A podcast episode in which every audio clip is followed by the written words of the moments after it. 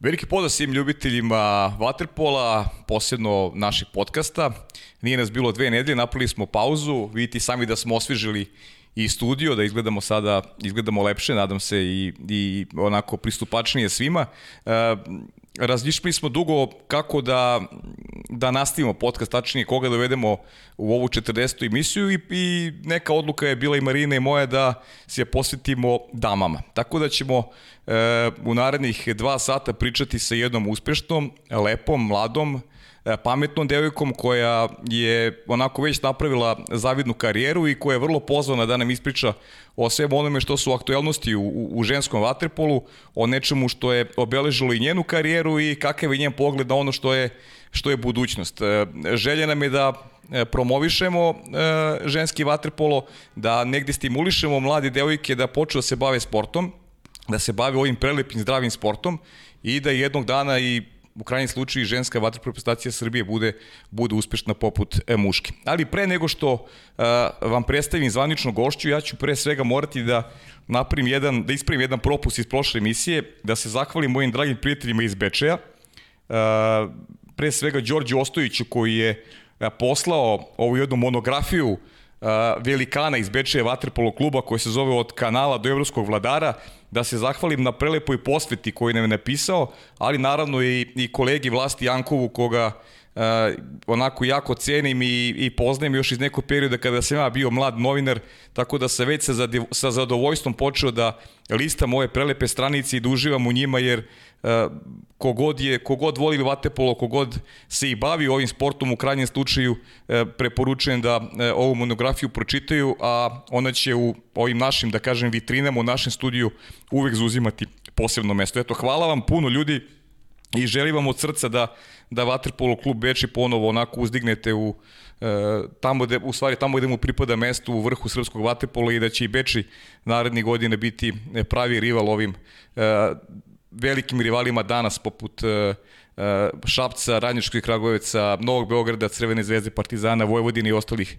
klubova. Eto, hvala još jednom puno i čuvat ćemo ovu monografiju i svima je toplo preporučiti da, da je obavezno pročitaju. A sada je došlo vreme da sam sam inače danas, uh, Marina opravdano odsutna, da vam predstavim moju dragu gošću, Jovanu Pantović, Jovana, dobrodošla u studiju na kraju univerzuma. Jovana koja igra za Vojvodinu, igra za reprezentaciju Srbije i aj za početak mi reci kako se osjećaš ovde u studiju na kraju univerzuma.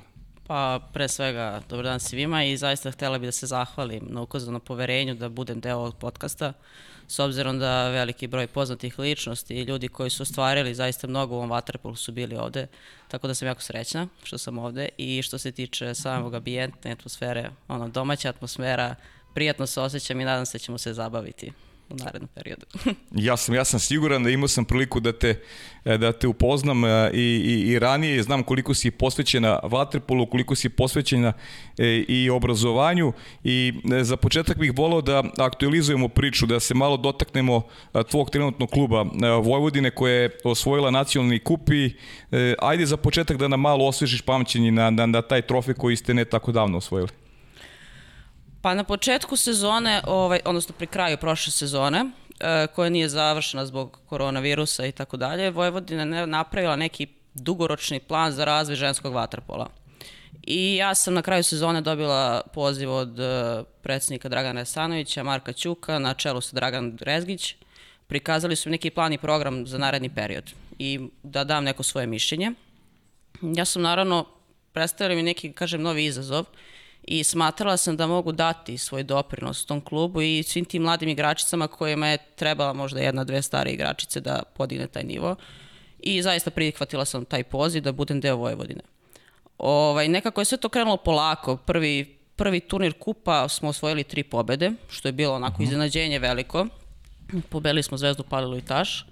A, sledeći turnir smo imali oscilacije malo igri, izgubili smo od Palilule i ostvarili opet dve pobede i na kraju u finalu su zaista ovaj devojke koje su izuzetno mlade, to govorimo o generaciji 2000 i mlađe, pokazali zaista jednu dozu zrelosti. Ja sam se ja iskreno onako uh mhm. -huh. pozitivno iznenadila i taj kup je došao kao neki šlag na tortu tog nekog pripremnog perioda dugoročnog rada i zaista svi u klubu su bili iznenađeni jer nekako je e, cilj bio da se ide stepenik po stepenik, mesto po mesto. Mi smo nekako ubrzali taj tempo i ovaj, za kratak period se digli na više od jednog stepenika, tako da je taj kup, nacionalni kup zaista značio Vojvodini, jer je to prvi kup u senjorskoj kategoriji za 85 godina kluba. Tako da smo svi onako bili srećni, zadovoljni i, kažem, ušli u drugi deo sezone sa većim ambicijama, naravno. Uh -huh. a, kaži, a kaži mi, kakva je situacija, evo, evo vidimo sliku, ovo je, zahvaljujući tebi imamo, da kažem, i ekskluzivne fotografije, e, upravo eto sa, sa, sa kupa koje ste osvojile. Kakva je situacija generalno u Vojvodini? Koliko si zadovoljna statusom, organizacijom kluba, e, uslovima? Pa nije tajna da je Vojvodina imala prethodnih par godina probleme, finansijske poteškoće, ali u poslednjih godinu dana zaista klub se stabilizovao i i na dobrom je putu da napravi profesionalni ženski tim. Mislim, zaista, zaista su na dobrom putu, imaju visoke ambicije. Naravno, u isto vreme podiže se i muški vaterpolo i muški i ženski su na jednom zavidnom nivou u ovom trenutku i nadam se da ćemo biti možda u nekom momentu konkurentni u Evropi. Uh -huh. A kaži mi planovi do kraja, do kraja godine, verujem da podrazumevaju i osvajanje e, duple krune, tačnije šampionske titule, koliko je to realno? Kažem opet, ajde, sad se play-off završio, mi smo na prvom mestu, e, tako da je, jeste cilj bio ulazak u finale i to je nešto što je bio cilj ove godine. Sada finale je naravno otvoreno za sve, svako može da pobedi, kažemo, najveći konkurenti su Zvezda i Palilula i zaista devojke maksimalno respektuju svaki tim, ekipu i nadamo se najboljem, a opet kažem, to je sport, sve je otvoreno, ovo je prva godina Vojvodine u tom vrhu, Tako da šta god da se desi, smatram da smo apsolutni pobednici ove sezone. Uh mhm. -huh. A kaži mi kakva je konkurencija u ženskom kludskom vaterpolu ove sezone i kako se ti a, snalaziš u Novom Sadu? Koliko ti se e, život razlikuje u odnosu na neke, na neke stare navike?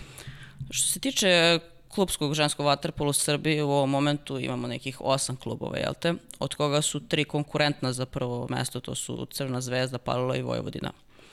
Uh, kažem opet, naravno Liga nije na vrhunskom nivou kao što je tu u Mađarskoj, Rusiji, sada da nabrajam, o tome ćemo verovatno malo kasnije. Mm -hmm.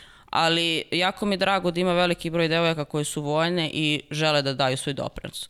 Što se tiče snalaska u Novom Sadu, e, mnogo je lakše nego u Beogradu, moram priznati, GSP i ostalo. Tako da meni jako je prijala ta promena sredine i taj neki, što se kaže, lala mentalitet. Mm -hmm. Si ga osvojila, ovaj, jesi? Da, E, jesam. Jesam, ja sam počela sam onako, ništa me nervira, nemam nervoze i ostalo. Tako da sam se jako dobro snašla i nekako, kažem, sve te mlađe igračice sa mnom, ja sam nekako trudim se da im dam neki adekvatan primer sporta i načina i obrazovanja i svega što će im trebati za budućnost. Uh mhm. -huh. e, ajde da pogledamo jedan video, taman mislim da mi se nadovezuje na temu. Može Vanja ovaj prvi. Ćao svima i ćao Paki. Uh, samo sam htjela te pitam kako se osjećaš sad kad si najstarija igračica u našoj ligi. Uh,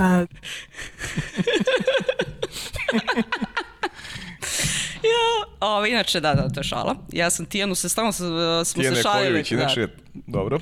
Mi smo se jako šalili, pošto ona uvijek bila najstarija i ja sam već ta, ti su najstarija, si najstarija, si ha ha ha hi hi hi i ostalo. I onda karma čude, jel te dočeka mene to, ja sam najstarija, ovaj, tako da nije jednostavno, uh mhm. -huh. jer i kada želiš da se našališ, ono, trudiš se da daš neki primer, Tako da nemam sad mnogo prostora za šalu, zabavu i to, nego se trudim da dajem primer mlađim generacijama kako treba postupiti, šta treba raditi i kako se odnositi prema sportu, jer stvarno mislim da je to bitno. Uh mhm. -huh. Tako da, ali drago mi što sam sa tako mlađim generacijama i što delimo neka iskustva, savjet i tako dalje. Uh mhm. -huh. Ali vidiš neku, prepoznaješ u nekoj od tih devojčica, ne moramo da nabrajamo imena, ili vidiš sebe u nekoj, nekoj od tih devojčica kao ne samo kao potencijala, nego možda nekog karaktera sličnog tebi koja pokazuje tu neku upornost i strajnost sportu i, i neku, neku želju da napreduje? Pa definitivno, čak dve i tri, dve, dve tri, tri postoje koje zaista ono vidi se u njima želja i volja za napretkom i želja da pre svega naprave neku karijeru kakva god ona bila i naravno drago mi je da nijedna devojčica ne zapostavlja obrazovanje, vi su savršeno posvećene školi, savršeno posvećen treningu, što ja smatram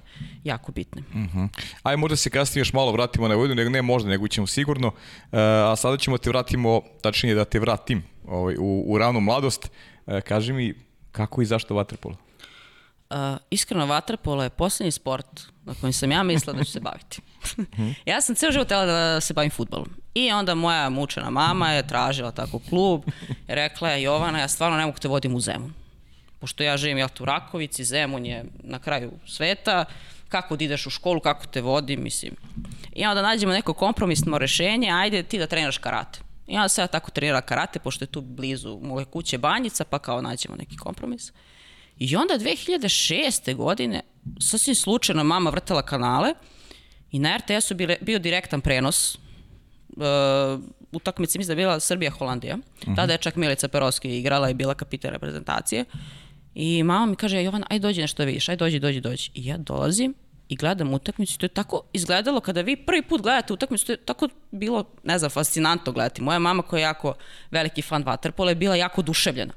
Međutim, ja sam u tome momentu imala nekih 13 godina i smatrala sam da je i mama me pitala kao, e, bih htela da probaš, rekao, pa ne znam, mama, 13 godina, smatrala sam ja negde u mojoj glavi da je to kasno. I ona mi je rekla, aj samo probaj. Pa ako ti se svidi, ok, ako ne, nije mhm. bitno. I jako mi je drago taj moment, pošto mene mama nikad nije terala, niti imala neke ambicije velike. Ona je samo žela da se ja bavim sportom, da bi bila zdrava, prava i da se razvijem kako treba. Mhm. I onda je ona mesecima tražila klube. Tad govorimo o 2006. godini, znači nisu bile tako društvene mreže i to sve što je bilo kasnije. I onda je ona zvala, znala je da je bila na Tašu i na Vračaru. I onda je zvala, muča ne znam koliko puta, pa se nisu javili. I na kraju se Vatrpol klub Vračar u nekom momentu javio. I onda je on mene odvela na Vračar jer je smatrala, ok, sportski centar Vračar, baba i deda su u šumicama, pa ako ti zatreba, jel te, prevoz, ovo ono, tu je sve što treba. I eto, ja sam tu počela. Da, vi što sam teo ti pitam ovaj, ovaj za Vračar, ali ću sad malo da oskočimo od teme, ovaj, e, iskoristit ćemo neke insajderske informacije koje su Mirina ja imali u pripremi za emisiju. Sad ne znam da li su tačne ovaj, da Uh, priča se ovaj, po gradu da nikad nisi naučila da plivaš kako treba, da nisi išla na plivanje nego pravo na vaterpolo i da jednu širinu 25 metara svi plivaju za, sa 12 zavesla, a tebi treba duplo više. Je to, je to tačno ili je samo, ili samo priča? Živa istina, majke. Živa istina. ne, da, zato što ja nisam došla sa plivanja, nego sam ja, ono, samouka, mama me učila na moru da plijem i tako to i ja sam došla, kao, znam da plijem ja. I oni su mene ubacili u bazen, vide da znaju da plivam, oni su pokušali da isprave tehniku, međutim u tom momentu je trebalo igračica za mlađe kategorije, nekako su mi to malo preskočili, taj period obuke plivanja. Uh mhm. -huh. Ja nikad u životu nisam naučila da plivam krao kako treba. Moji zavesli su jako kratki, brzi, I onda je to ono, opšta, opšta šala zabava kad ja krenem na da plivam krav. I onda kad gledamo snimak u utakmici, znam, e, dobro, ovo je paki, ono, ovaj krat izgledasle. Znam, ne mora broj kapice, viš kako plivaju, to je to. Zna, znaš odakle su informacije, znaš? Ne znam. Dobro. Pa svi, zna, svi tu pričaju, tako da ne znam odakle mogu. Dobro. Dobra, kaži mi kako si uspela, uspevala da, da te uslediš te obaveze, onda ušla si u jedan proces sporta koji je fizički vrlo zahtevan. Dva treninga dnevno, Milica je pričala da se to ništa nije razlikovalo od treninga od treninga dečaka, znači dva treninga dnevno, malo je prostora za neke druge aktivnosti, iz, izlaske. Kako si uspevala to sve da uskladiš u tom nekom radnom periodu kada si došla na Vračar? Pa ja sam imala sreću, kažem opet, da, da sarađujem sa Milicom. Milica je bila uh -huh. moj mhm. prvi trener i smatram nju jednu od e, bitnih faktora moje karijere jer je ona na najbolji mogući način prenosila svoje znanje i želju i volju za, za vaterpolom. Tako da nekako ja sam pored škole, vaterpolom je bio najbitnija stavka. Sve ostalo sam se trudila da zanemarim. Uh. -huh. Jer me, generalno problem moj je bio što ja, moj, moj stanovanje Rakovica i sportski centar Oračar je jako daleko, znači to treba minimum tri prevoza promeniti. Ali sad iz ove perspektive kad se setimo, svaka mi čast. Bukvalno se setim, svaka mi čast. Ali kažem, ako imaš volju, želju dobrog trenera, koordinatora da te usmeri na sve, to je zaista pun pogodak i jednostavno stižeš sve. Jako mi je drago jer sam i kroz sport i kroz, kažem, porodične vrednosti koje sam imala naučila disciplini, i ostalo sve što je, što je neophodno. Da, to je najbolje. To je upravo se neko nadovezuje to moje sledeće pitanje na kakvo si društvo tamo naišlo u Vračaru na treneri. Očigledno da su oni mnogo doprinuli da te oblikuju ne samo kao igrača, već i kao osobu. Da stekneš te neke radne navike, disciplinu, samokontrolu, da, da znaš šta su ti prioriteti u životu. Da, da, definitivno. Kaže, Milica je bila ta neki, neki stub, ajde kažem. Uh, za nju se smatrao da je škola jako bitna, da je sport jako bitan Uh, zahvaljujući, kažem, njoj imamo i, imala sam i te bazične dobre treningi i dobru bazu. Naravno, pored nje tu je jako z, z, bitna osoba za moju karijeru u Vatrpolu, klub Vača Miloš Janković, popularni burek. Uh mhm. -huh. ovaj, on je isto, kažem, posle Milice i me nadogradio kao igrača i osobu i zaista sam jako zahvalna. Jako neka, kažem, porodična i prijatna atmosfera je bilo u Vračaru, jer su to ljudi koji su stvarno volili vaterpolo i vaterpolo su se iz ljubavi bavili, uh -huh, da kažem. Uh -huh, uh -huh. E, kaži mi, ovaj, pričali smo, ono, o, o Milici si pričala toliko puta, ona je bila i, i, i naša gošća. E, šta je to nešto specifično u tom nekom, nekom njenom radu, pristupu, e, što je eto i tebi pomoglo da, da, da, da, da se formiraš kao igrač? Pa, pre svega, uh, ona je sa jako malo godina, znači govorim, ona je, kada sam ja došla kod nje imala nekih 27-8 godina, što za trenera jako malo. Uh, ona je bila neverovatno posvećena i zaista za svakog igrača je nalazila vreme da mu se posveti. Znači, to govorimo o velikom broju devojčica koji je u tom momentu bio. Uh, imala je jako dobru pripremljenu bazu za svakog igrača, znači bazično da ga pripremi plivački, tehničko, taktički i zaista, kažem, trudila se da me obuči za sve elemente igre, za svaku poziciju, znači od beka, mhm. krila, centra, za svaku poziciju me obučavala i kažem i danas, danas sam je zahvalna na tome. Jako mi je žao što nije ostala trenutno u Waterpolu i nadam se da će možda u nekom momentu se vratiti. -huh. A, ti, si, ti si onako, da kažem, jedan univerzalac, igraš na, igraš na više pozicija i ne, kad su ti, mislim, kad se određuje, ajde, da pričamo sada, pričamo o ženskom vaterpolu kao, kao, ajde, ti si naša druga gošća u stvari. U kom nekom tom dobu su ti odredili da, poziciju koju igraš i koju ti najviše voliš? Šta ti ovako najviše, najviše leži, odgovara? Uh, to je malo kod mene teže pitanje. A sad ću mm -hmm. pokušati da odgovorim. Ajde, ajde, imamo vremena. Ovaj, uh, kod Milice sam iskreno počela da igram na poziciji beka. Ona je mene negde videla u tom nekom smeru. Međutim, kasnije, uh, kako su počele reprezentativni kampovi, uh, oni su mene videli na nekoj poziciji centra. I onda sam ja tamo negde od 15. 16. se sad formirala kao centar. Međutim, kasnije, u nekom periodu su neki treneri, ajde, smatrali, kad sam došla kod, kod Miloša Bradić i tako dalje, da ja mogu da odigram iz polja i da se sidim kao drugi centar, kao to je. Mm -hmm. Tako da su to eto neke pozicije, dok sad, na primjer, u Vojvodini, eto, počela sam da igram i desno, u mađarskom prvenstvu sam igrala beka, tako da ono, mogu više pozicija da pokrijem naravno, ali kažem najviše sa vola kao tu levu stranu da odigram, da sidni kao drugi centar, to mi je bilo ovaj, omiljeno. Uh mhm. -huh. Eto, iskreno. A e, znaš što mi je interesantno, te periode u Vračaru koji si provela e, u naciju šampionatu i Vračar konstantno bio drugi za tih pet sezona. Izostala je titula. Ko, ko, je, ko je bio kriv za to? Ovaj, u tom momentu naš najveći rival je bio Taš 2000, uh -huh. koji je vodio Miloš Bradić. Uh, kažem, u tom trenutku je Taš bio jako dominantan u, u srpskom šampionatu. Mi smo nekako u svim mlađim kategorijama uzimali titule, što dok nas vodila Milica, što dok je posle Miloš Janković preuzeo ekipu. Međutim, u senjorskoj zbog i mlađih igrača i svega mi nismo mogli da priđemo Tašu koji je zaista u tom momentu bio jako dominantan i igrao je veliki broj evropskih takmičenja, tako da su zaista s pravom nosili tu, tu titulu tih godina. Uh -huh, uh -huh. Uh, lepe godine si provela u Vračaru, čini mi se šeste, ako se ne vremo, tako? Uh, od 2006. do 2011. Da, pet e, e, kaži, aj, ajde, kad bi nešto moglo ovako na blic da izdvojiš, da se sjetiš nekog detalja, anegdote, možda prvi gol, možda je prvi gol nešto što, što, što najviše pamtiš, a? Da, sećam se prvog gola. A prvi gol je bio u Bečeju, ne znam koje godine. Eto, Bečej. Igrali smo protiv Bečeja i ovaj, ja sam dala gol sa desne strane tako uh mhm. ne znam, tu sam završila. I tada je bilo pravilo ko da prvi gol časti celu ekipu. I, I tako? time smo se vodili, da, da, ko da prvi gol časti celu ekipu. Ali, ovaj, kažem, sa Vačarom zaista divnih pet godina, igrali smo čak i evropska takmičenja, Len mm. Kup, što je u tom trenutku bio mm -hmm. zaista veliki uspeh i ja sam bila jako srećena da vi sa 16-17 godina igrate Len Kup. To je uspeh kakav god plasman bio, ali eto imali smo sreće čak da se pre, uh, da prođemo i prvu fazu takmičenja i i to dva puta, što je veliki uspeh u tom trenutku bio. Mm -hmm. Aj, kasnije ću ti pitati mm -hmm. malo o, o tim poređenjima sa, sa devojkama koje igraju, da kažem, nekim centrima koje više pažnje posvećuju ženskom vaterpolu. Svako 2011. godine se seliš u već pomenuti taš. E, kaži mi kako se, kako se to dogodilo? A, nakon kraja sezona, kada se završila sezona, ovaj, dobila sam poziv od e, Miloša Bradića da, mm -hmm. da budem deo Taša 2000. U tom momentu kada vi imate 18 godine, kada zove državni prvak, naravno, jasna je, jasna je odluka.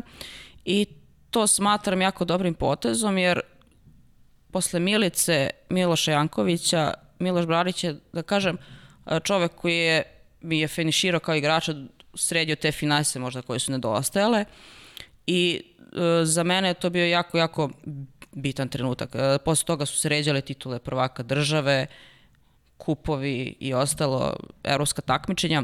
I kažem, zaista, zaista divan period i kažem, novi izazov, jer morate se prilagoditi nove ekipi, najmlađi ste, naj, najmlađi igračica, mnogo se očekuje, vrhunski rad i, kažem, jako bi, jako bitan moment.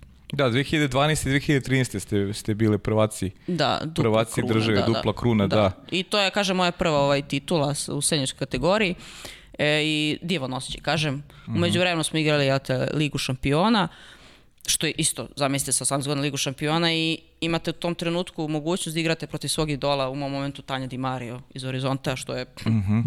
vrhunska stvar. Jel? I kakav je feeling bio? Uh, neverovatno. To je kao kad bi sad neko klinica odveli da igrate protiv Cristiano Ronaldo. Da, da, da. Zaista, zaista sjajno je, vi imate moment da igrate protiv Tanje Di Mario. Mislim, možda gledalci ne znaju mnogo o toj uh -huh. devojci, ali ona je zaista italijanska reprezentativka koja ima brojna evropska, svetska, olimpijske igre, ne znam više šta je osvojila, šta nije. Uh, I sa Horizonteom koliko puta Ligu šampiona, tako da ovaj, sjajan osjećaj. Zaista. Ja, znaš šta bi uvijek zanimalo? Kako, kakav stav uh, ima neko ko, ko se suočava na sportskom uh, terenu protiv idola? Da li je to neko, da li ima tu previše, previše respekta uh, ili, ili, po, ili se javi neki dodatni motiv da baš pred idolom pokažeš možda i više nego što objektivno možeš? Pa ja sam u tom momentu, kažem, imam 18 godina, zaista sam imala veliku motivaciju da ti da pokažem što, i ono više nego što mogu, ali uz određeni respekt, naravno, uh -huh. jer Mhm. to je ipak neko ko je tebi idol i na koga bi želeo da se ugledaš u sportskom smislu. Uh -huh. I kako prošla ta utakmica? Izgubili smo, ali ono što kaže, borili smo se do kraja. Jeste, dobro, da. dobro. E, sigurno da trofeji utiču na samopouzdanje. Te, te prve su osvojile 2012. i 2013. A da li se osetila boljim igračem e, e, u tašu? Dobro je kliknulo sa celom ekipom, e, prihvatili ste starije igračice i si tada počela da osjećaš da da i ti možeš da prokačiš sebi put ka nečemu što što se zove status u, u svetu ženskog vaterpola? Pa definitivno, kažem, imala sam tu sreću da su me igračice zaista, zaista sjajno primile i da nekako je kroz taj rad s Milošem su sve finese koje su trebale da se srede, sredile su se, dosta sam poradila i na fizičkom delu i na tehničkom, tako da ovaj sigurno jedan, jedna veća motivacija i motiviše da, da idem napred, odnosno da budem bolje. Super. E, već pomenuti Miloš Bradić, to je još jedno onako bilo od pitanja, ali pričala si o njemu, međutim sa, sa Milošem Bradićem 2014. godine a, prešla si u Crvenu zvezdu. Da. Ako se ne varam, Da, Miloš je isto tu bio. Tako, Tako da u tom momentu uh, for, formirala se Crvena zvezda, uh, mi smo bili svi deo Crvene zvezde, Miloš je bio trener, a taž 2000 je bio, kažem, filijala Crvene zvezde, B team. Uh -huh. I tu da tu počne nekom momentu neka nova priča, uh, neki novi odnos, kažem, Uh, i što se tiče medija i svega, uh -huh. privlačimo pažnju na taj neki način, pozitivno po meni. I zaista to su ne znam sad koliko je tu bilo, 4-5 godina zaista, zaista ovaj, velikih trofeja, uspeha, ne znam koliko dupli kruna, evropskih takmičenja i tako dalje. Tako da jedna sjajna priča u svakom slučaju. Pa evo, taj, taj tvoj prvi boravak u Zvezdi, to su tri, tri puta ste osvali šampionsku titulu, a i nekako su od tog perioda nekako su počeli trofeji da idu zajedno sa tobom kada, da, kada pričamo o srpskom vaterpolu. Pa da, jeste, jedan za drugi su išli svake godine, dupla kruna je bila i kažem, uh, jedan motiv više ovaj, da budem deo reprezentacije i evropska takmičenja, kažem, opet uh, Lige šampiona. Tako da dosta uz nas veliki broj devojčica je došao u tom trenutku. Zaista, zaista veliki mm -hmm. broj devojčica je bilo, što je fascinantno bilo. Tako da smo imali za B tim čak ekipu Taž 2000 koji je pokazao uh, veliki potencijal u tom šampionatu. Znači, devojčice su zaista bile sjajne, sjajne. I veliki rad je uložen, naravno. Pored Miloša Bradića bio i Petar Kopunović, Nikola Vojdinović i zaista ovaj, sjajna ekipa koja je definitivno znala šta radi. Uh -huh. E, sad me zanima taj deo priča i da se dotaknemo posebno tih e, igranja u, u evropskim kvalifikacijama i evropskim utakmicama. Da mi kažeš koja ti je od tih titula recimo najdrža sa Zvezdom, a, a da li si u tim trenucima, u tim godinama mogla neko sebe da uporediš sa tim igračicama iz inostranstva i da vidiš šta eventualno nedostaje Srbiji da biste mogli da igrate na ozbiljnijem nivou protiv igračice iz recimo Mađarske, Italije, Rusije koje su onako na svetskom nivou velike sile? Uh, omiljena titula sa Zvezdom, pa ide možda ta prva. Uh -huh. Možda tu da istaknem, to je bio prvi taj ajde, moment koji je bio bitan. A što se tiče odnosa sa tim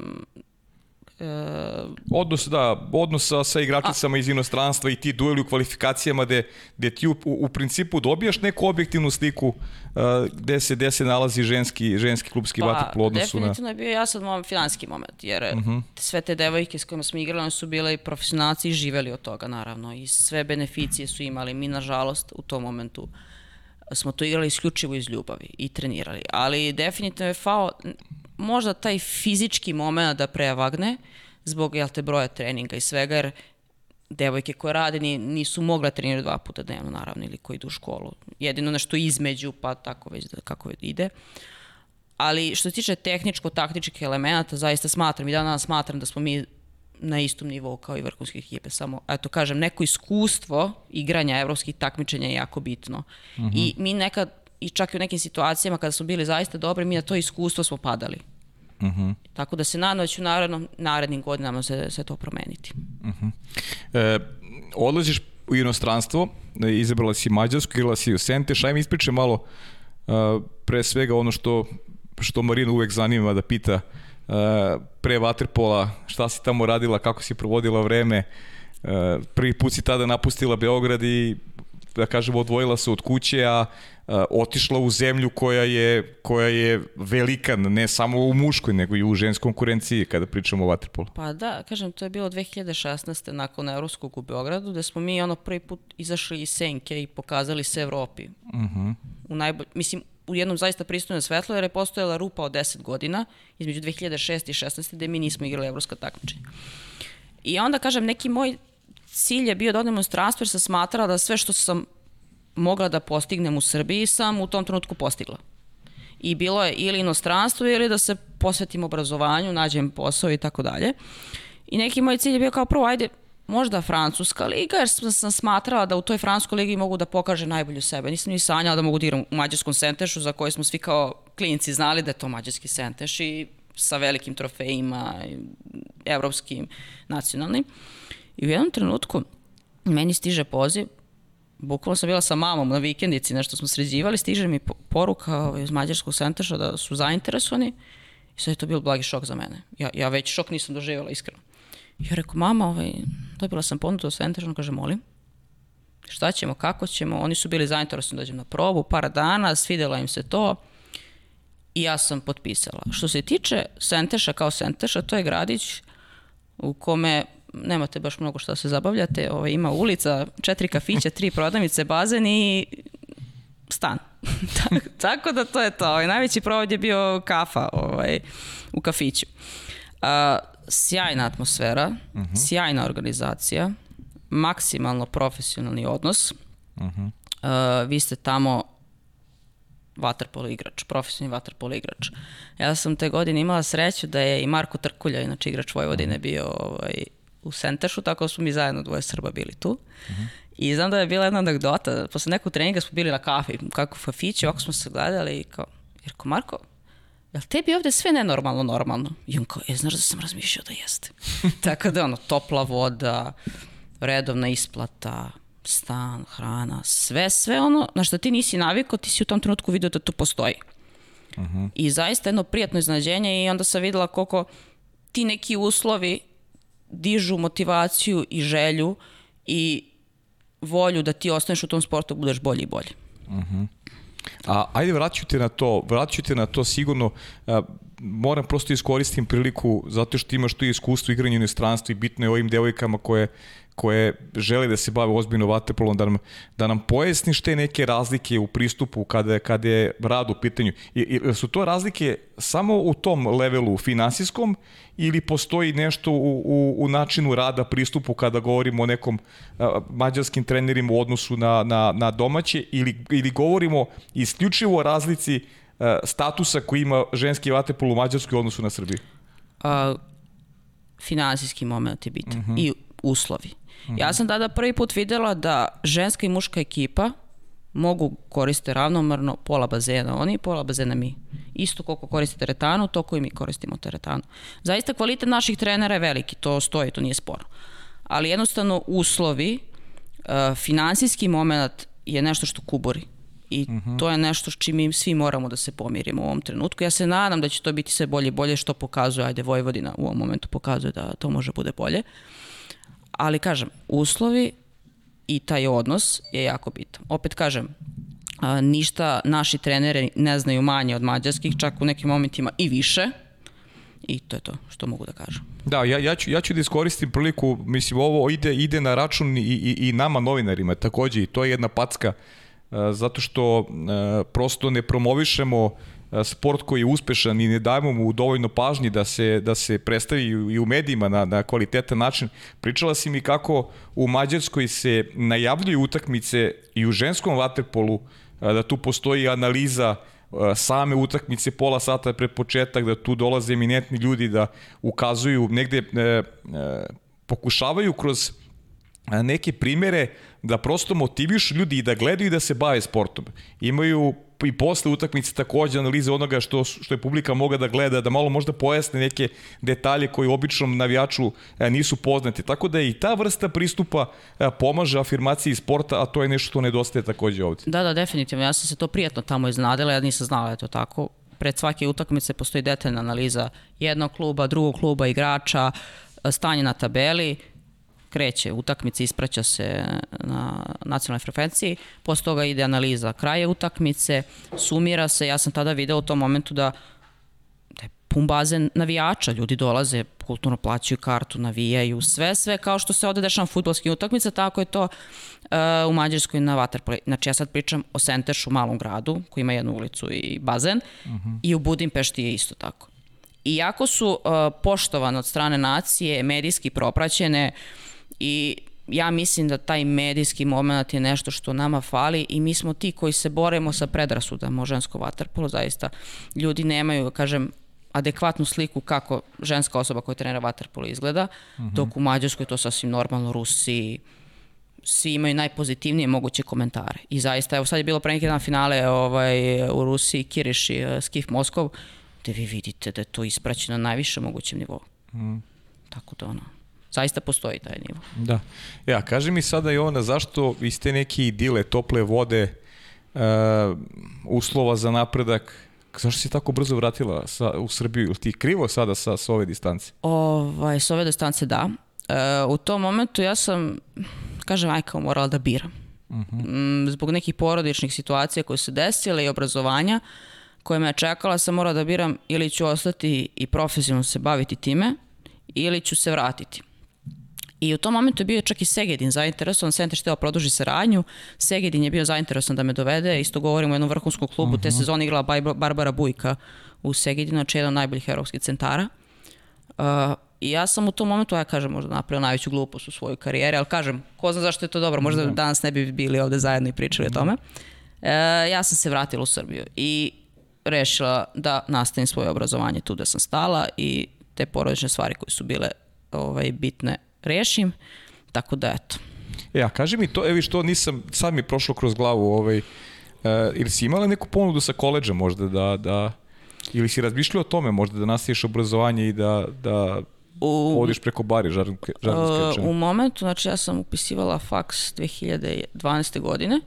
Uh, jeste bila aktualna priča koleđ i nisam imala ponudu, ali zaista sam mogla da ostvarim stipendiju, ali nekako ja sam žela, ako se bavim vaterpolom, da to bude na nekom profesionalnom nivou igranja u inostranstvu u nekom dobrom klubu. Uh mhm. -huh. I nekako ta 2016. o kojoj se pričalo je bila meni jako bitna. Ja sam smatrala da odlaskom na koleđ ja verovatno ću izgubiti mogućnost igrati 2016. godine. Uh mhm. -huh.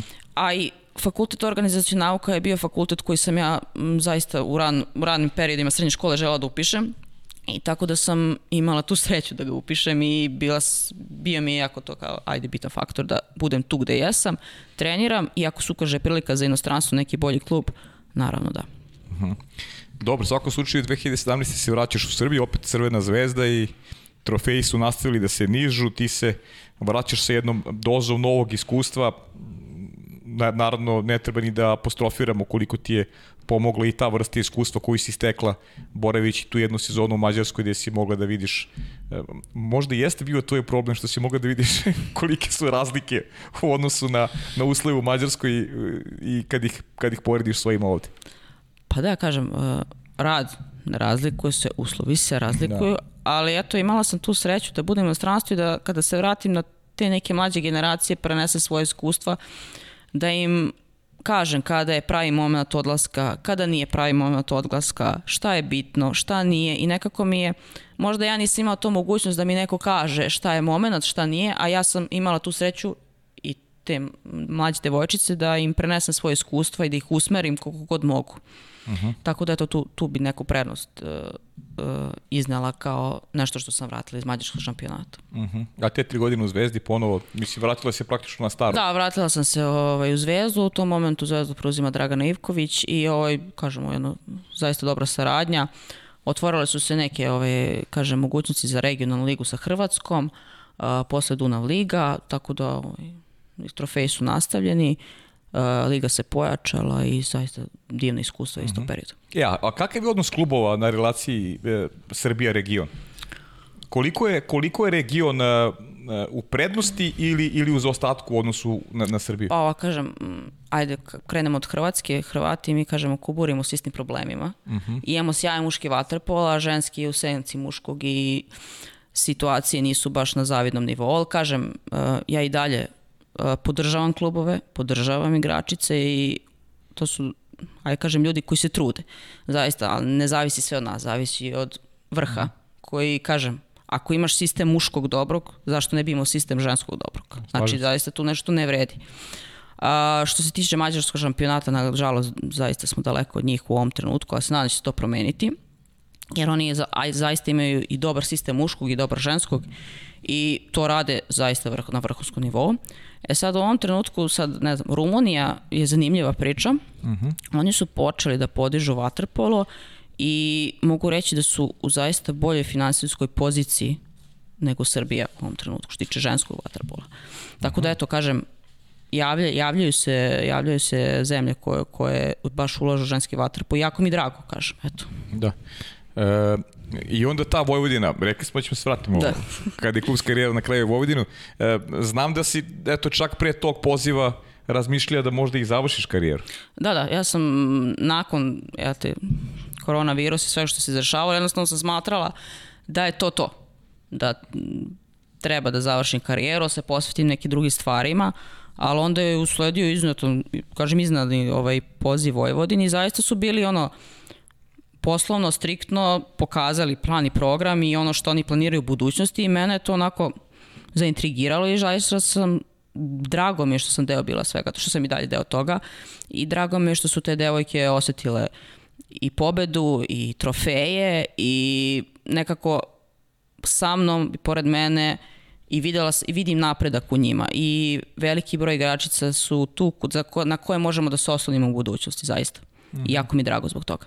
Dobro, i velike pohvale, naravno, mnogo znači kad, kad ispričaš tako za, za, za klub u kome, u kome igraš, da ono što se obeće da se ispuni, došli smo, eto, živimo neka vremena u kojima je kad ti neko nešto obeće i ispuni, to je nešto što je kao fenomenalno, to treba da bude praksa i nadam se da će to da ostane praksu, budući da će ženski klubski vater plići tim putem, putem koji negde, eto i Vojvodina sada diktira kao, kao neki, kao neki standard. Da, da, da, definitivno, zaista i ovih puta bi se zahvalila njima.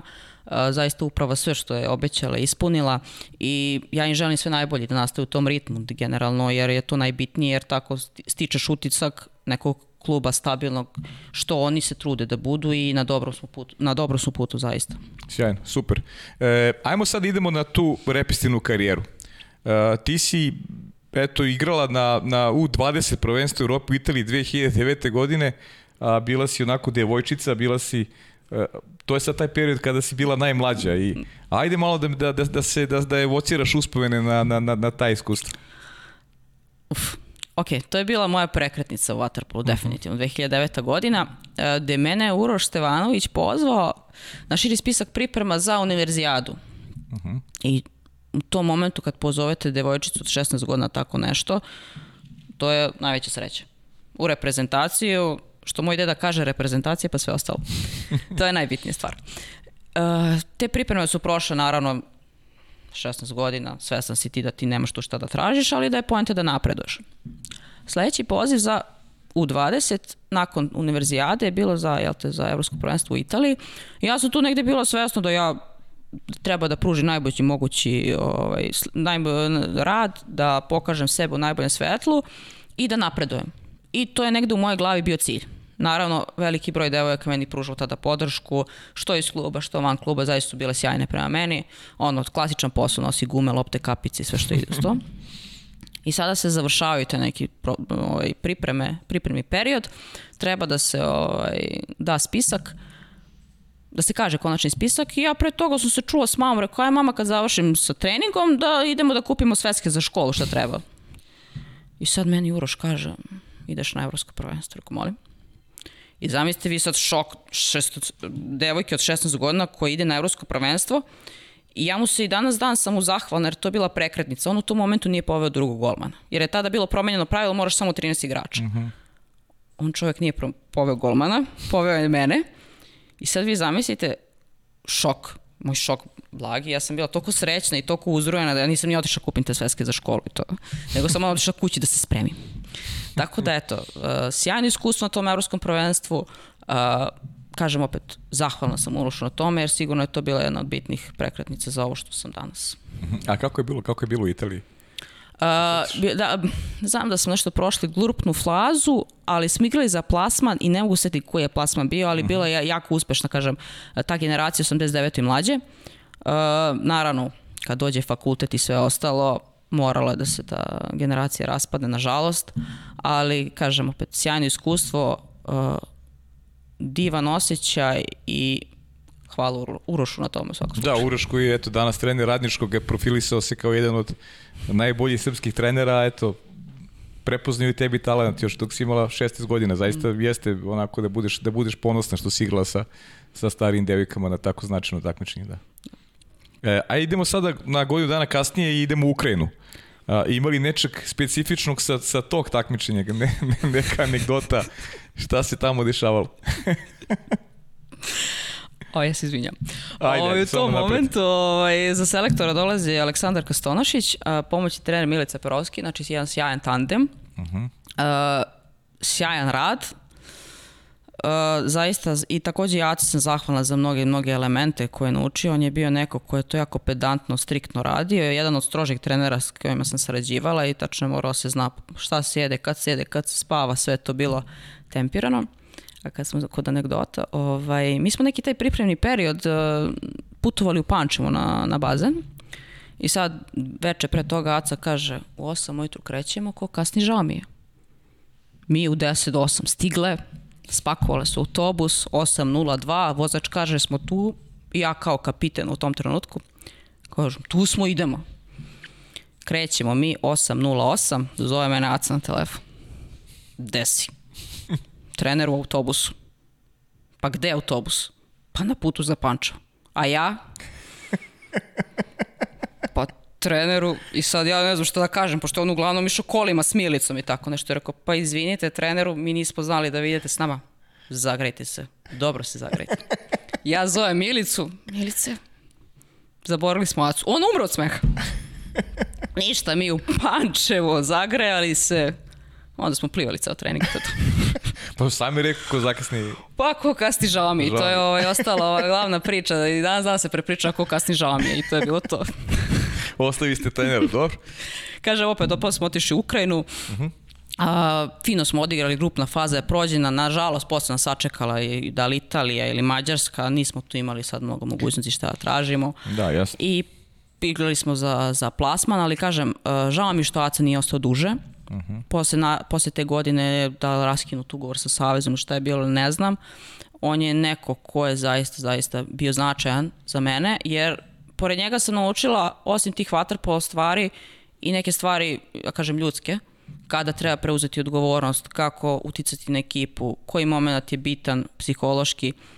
Tako da ono, zaista mu se zahvaljujem i dan danas na, na tome. Uh -huh. A moramo da pomenemo onu univerzijadu u Guangzhou 2015. godine. E, to, to znam ja da je bilo, da je bilo osmo mesto. Da. E, Kako se dopala Južna Koreja? Pamtiš li tamo neki, neki događaj dande? Kako se, kako se provela? Jer uvek su izgleda, interesantne te razglednice koje, koje kreiraš u glavi o, o mestima e, koje si mogli da upoznaš kroz sport. Pa Južna Koreja zaista nije onako, ne dobije svaku priliku da, da poseti Južnu Koreju. Da, sjajno, sjajno. Sve, sjajno osjećaj. Nekako ja to definišem kao najpribližniji osjećaj olimpijskim igrama, jer uh Mhm. -huh. kako je stanje u ovom momentu, kažem, dok se ja bavim vaterpolom, nećemo imati šansu odlaska olimpijske igre, ali ta, ta univerzijada je bila najveći, kažem, najpribližnije onome što, što bih ja osetila na olimpijskim igrama. Da, da. U tom momentu za selektora je bio došao Vlada Bajković i pomoć je Miloš Bradić. O, a, mi smo ovaj, slučajno, mislim, pričalo se hoćemo li ići, nećemo li ići, na kraju se donala odluka da idemo i zaista devojke su bile presrećne. Ja ne mogu da vam opišem koliko su one bile srećne u tom momentu da ti se nadmetnaš za takvim evropskim i svetskim ekipama kao što je Amerika, Kanada, Australija, Kina i tako dalje, da ne nabrajam i, od, idete na drugi kraj sveta. Sam dolazak tamo i kad smo se smestili u ovaj olimpijsko selo, zaista gde vi zajedno ručate sa svim sportistima, vidite razne profile sporta i tako dalje. Sjajan osjećaj, uh, sjajni utak. Mi smo zaista odigrali pristojne utakmice. Sve to pola utakmice vodimo, izgubimo jedan razlike. Nekako puno stvari su bile nesrećne, da kažem. Čak u jednom momentu se sećam da smo igrali protiv Rusije, koja je u tom trenutku dominantna ekipa jedan od glavnih favorita za osvajanje. Da li druga četvrtina mi vodimo 5-1. Mi u šoku, ona u šoku, ne zna se ko je većem šoku. Nažalost smo izgubili jedan razlike, ali ta jedna razlika je zaista malo za ono kakav je njihov sistem rada i šta oni rade i u kom smo mi momentu gde mi igramo iz ljubavi, a oni igraju kao profesionalni sportisti Da. da. i nešto od čega one žive. Zamislite vi tako vodite 5-1 i onda izgubite jedan razlike, šok.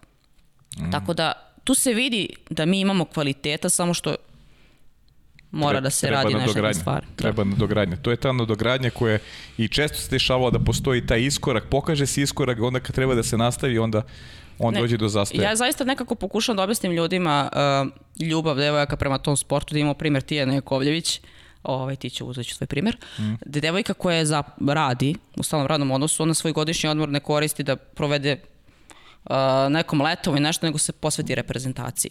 I to je zaista nešto gde vi vidite kolika je ljubav prema sportu i kažem, malo je ljudi koje bi s takvim razmišljanjima išlo kroz sport. Jeste. A pogotovo ljudi koji nemaju od toga nikakav interes, nego samo ljubav. Apsolutno. To kad se nosiš samo emocijama, to onako čovek zna da bude na onako jednoj e, dilemi da često pogreši da ide protiv sebe u stvari, ali prosto ljubav ga nosi i greota je da se to da se to nekad i ne, ne, i ne naplati.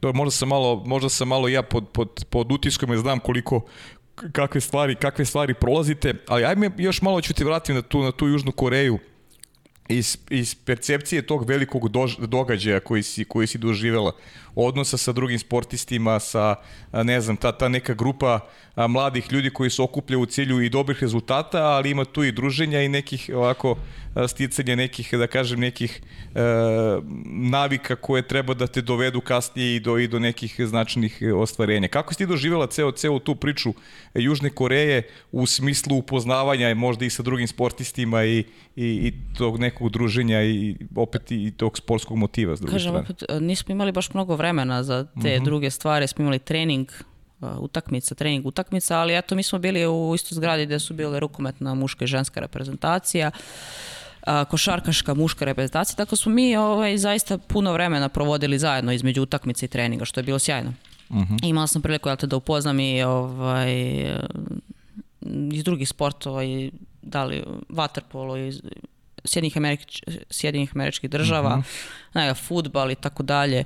Ovaj, zaista, zaista divna jedna priča i e, dobra stvar su tu zaista svi pozitivni. Svi su pozitivni, srećni, ovaj, zajedno provodite vreme. Čak su bila neke ovaj, deo da imaš, da si imao bilijar, ne znam, uh, stoni futbal, tako da smo pravili ekipice pa se takmičili iz raznih reprezentacija, tipa Srbija protiv, ne znam, Kanade u stoni futbol, tako nešto, tako da je zaista sjajno. E, ajmo sad idemo na to evropsko prvenstvo 2016. godine koji se igralo u Beogradu, osvojeno deveto mesto, igrali ste pred velikim brojem navijača, opet se tu očekivalo da se nakon toga napravi neko, neko, ne, neki iskorak, verujem, jedno od najlepših iskustava. Znam da, da je ta pobeda recimo protiv Hrvatske nešto što je onako ostavilo onako traga i u javnosti i da, da je i vama značilo, s obzirom da kad se igra proti Hrvatske, kogod da vlada prijateljstvo među vama, uvek postoji neki taj takmičarski naboj. Ja ga samo tako doživljam kao jedan takmičarski naboj. A, kažem, 2016. godina je sigurno godina svih nas, u smislu, to smo svi čekali. Moja neka, u mojej glavi je to bilo ok, za ovo si trenirala ceo život. U tom momentu selektor je bio, kažem, Vlado Bajković i pomoćni Miloš Bradić.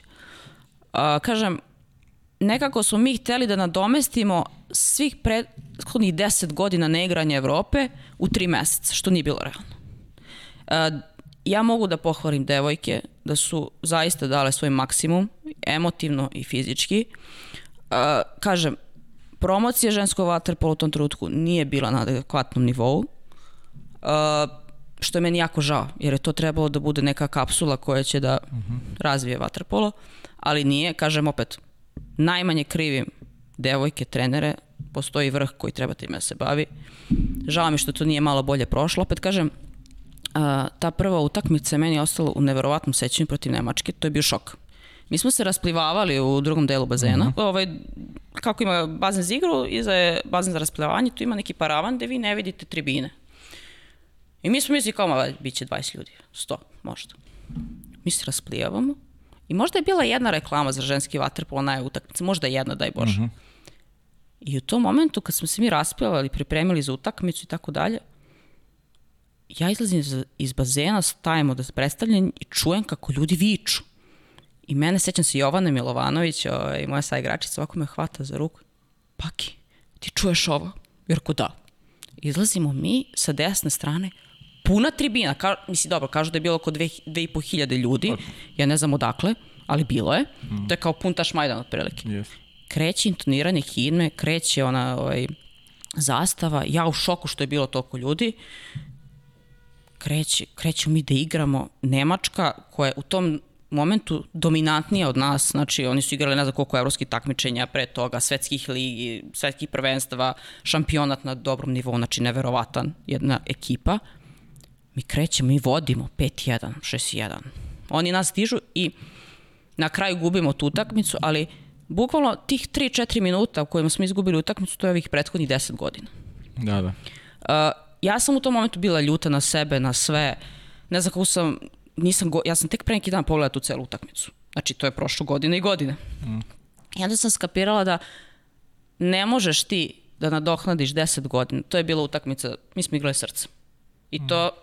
U ovom momentu ja smatram nas apsolutnim pobednicima te utakmice. Mm -hmm. I to je bilo nešto što je, ajde kažem, moja omiljena utakmica, nebitno što smo izgubili, bila moja omiljena utakmica. Mm -hmm, to ti Nemački, ja. Da. Znači za, za, za celu karijeru kad se setiš to ti je... Da, e, tada smo mi nekako izašli iz te kao medijsko, kažem, mraka ili čega već, gde kažem, ja i ovako sa dioptrijom sam videla bukvalno moju majku i brata ovaj, na tribinama, to je bio zaista šok.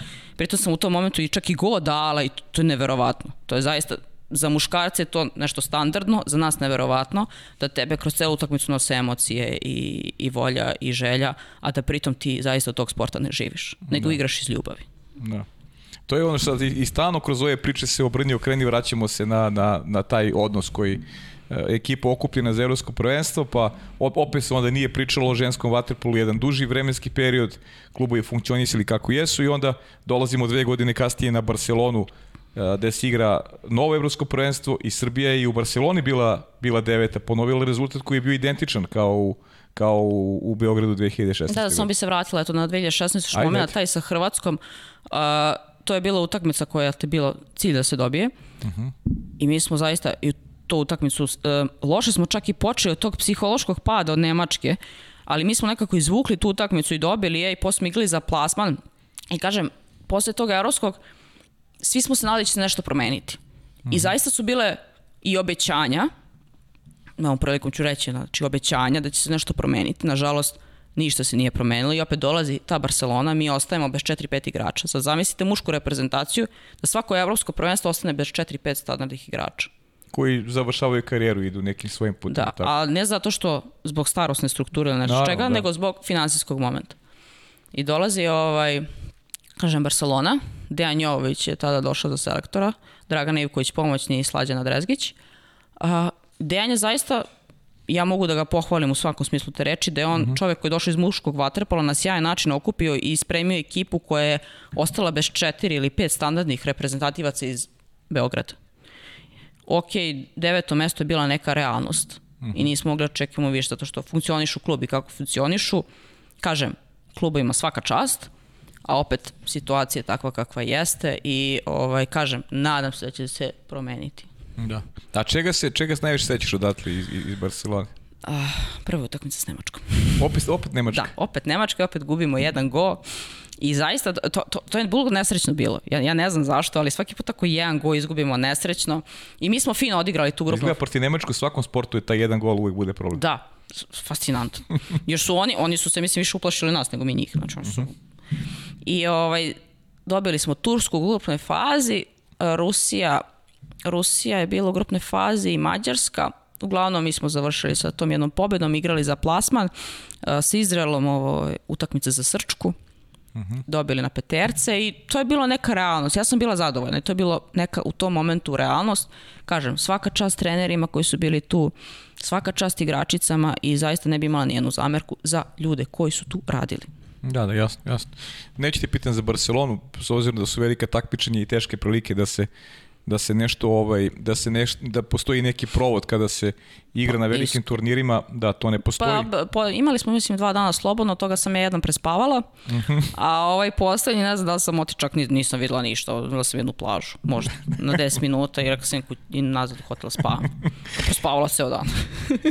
da, ali kaži mi Budimpešta 2020. Te, pa kada gledamo rezultat to baš i nije bila ovaj da lepa, lepa epizoda. Pričala, rekla si mi šta se dogodilo u pauzi između 2016. i 2018. Prepostavljam da se dosta toga promenilo i između 2018. i 2020. godine. Pa da, mislim, u tom trenutku vi odlazite na Evropsko prvenstvo u Budimpeštu. Naravno, prošli smo kvalifikacije, dobili češku u oba duela. Uh mhm. -huh.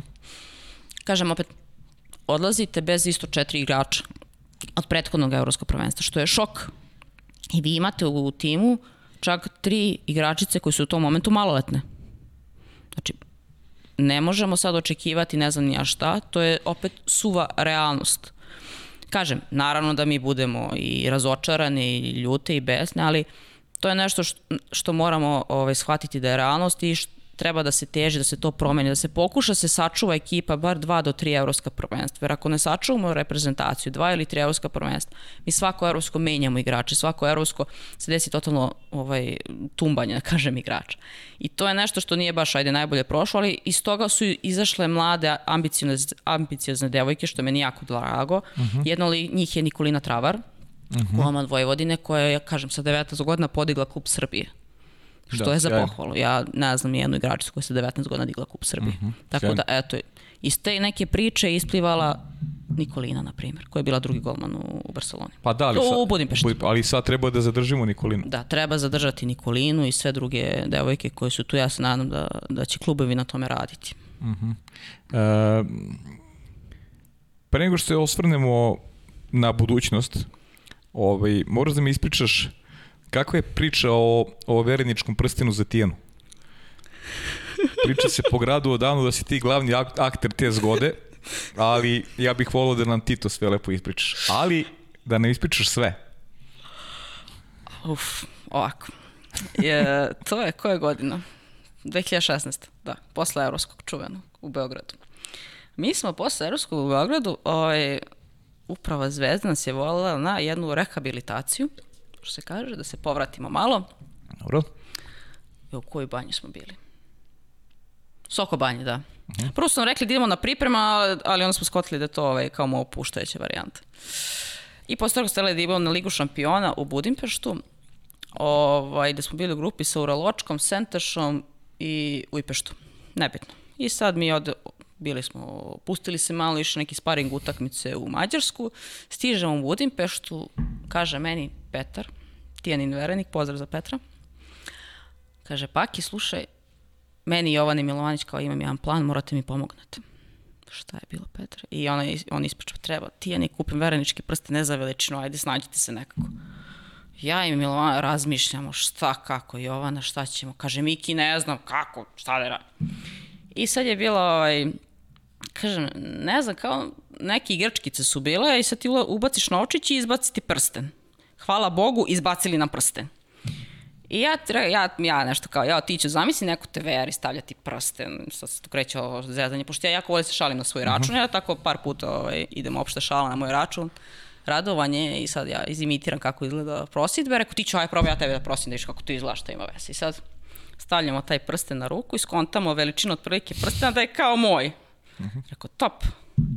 I ovaj, zovemo Pero, Pero, imamo veličinu, a idemo da kupujemo prsten, da smo Pera i ja ovaj, imali taktički moment da ćemo kupiti prsten šta i kako, tako da posle bile i ovaj, prosidba i tako dalje, tako da eto Tijana isprošena na bazenu. isprošena dva puta, isprošena dva puta. isprošena na bazenu. Malo je ljudi isprošenih na bazenu, moram priznati tako da čestitam Petro, ovaj, to je bio hrabar potes. Hvala ti puno što si, što si ispričala, ovaj, što si ispričala ovu priču. Sjajna priča. Sjajna priča, jeste.